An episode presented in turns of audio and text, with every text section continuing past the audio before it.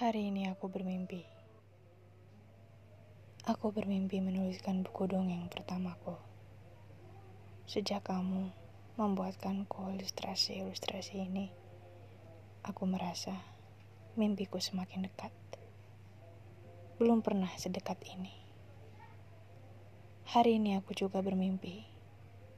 Aku bermimpi bisa selamanya menulis dongeng. Aku bermimpi bisa berbagi dunia itu bersama kamu dan ilustrasimu. Bersama kamu, aku tidak takut lagi menjadi pemimpi. Bersama kamu, aku ingin memberi judul bagi buku ini. Karena hanya bersama kamu, segalanya terasa dekat. Segala sesuatunya ada. Segala sesuatunya benar. Dan bumi hanyalah sebutir debu di bawah telapak kaki kita. Selamat ulang tahun.